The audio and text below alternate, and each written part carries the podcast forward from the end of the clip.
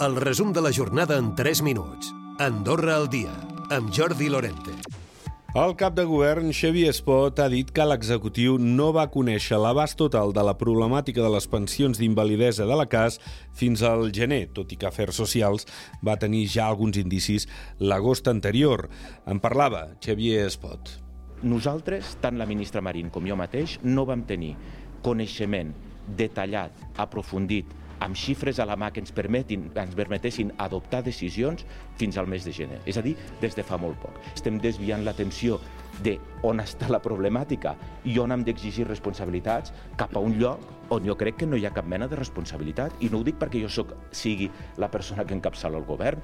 El síndic general creu que s'ha d'esperar també els resultats de l'auditoria sobre la qüestió que ha encarregat la Caixa Andorrana de la Seguretat Social i no creu que hagi de dimitir per aquest afer la ministra d'Afers Socials, Trini Marín. Carles Ensenyat. No, no crec que hagi de dimitir la senyora Trini Marín. A cas el que ha de fer és una auditoria per entendre per què ha passat, des de quan passa, quan és el total i quins són els motius de no haver-ho assabentat abans. I això és el que ha de fer. D'altra banda, hem d'explicar que ha jurat el càrrec de nou raonador del ciutadà Xavier Canyada. Un acte on hi ha hagut tota la classe política, econòmica i social del país representada. Dos objectius per a Canyada en la seva gestió, els infants i les persones amb discapacitat. Aquests dos col·lectius són els que menys eh, possibilitats a voltes tenen de, de dir la seva o de reclamar els seus eh, drets legítims. Els infants eh, han d'estar en llars. Si a la seva llar no poden estar, doncs eh, jo crec que, bueno, doncs que probablement hi hagi altres solucions. Canyada també referia, però, a una de les seves prioritats, com hauria de ser l'habitatge.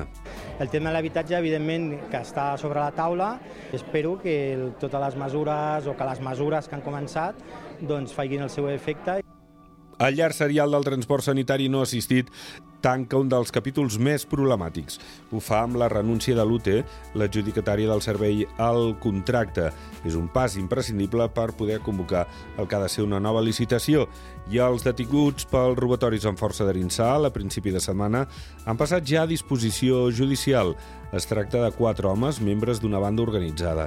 Els establiments afectats van ser quatre hotels de la zona i dos locals de restauració. Un d'aquests locals era el Factory. Juan José Brito era encarregat d'aquest establiment. Yo cuando llegué se, ya estaba la puerta rota, eh, han roto la puerta y han entrado por aquí, por la parte de atrás, y se han llevado la caja registradora. La caja registradora apareció después a la tarde, la hemos encontrado atrás de un contenedor que está aquí, a, aquí afuera.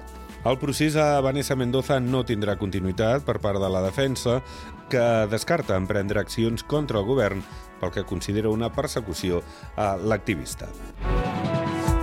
Recupera el resum de la jornada cada dia a AndorraDifusió.d i a les plataformes de podcast.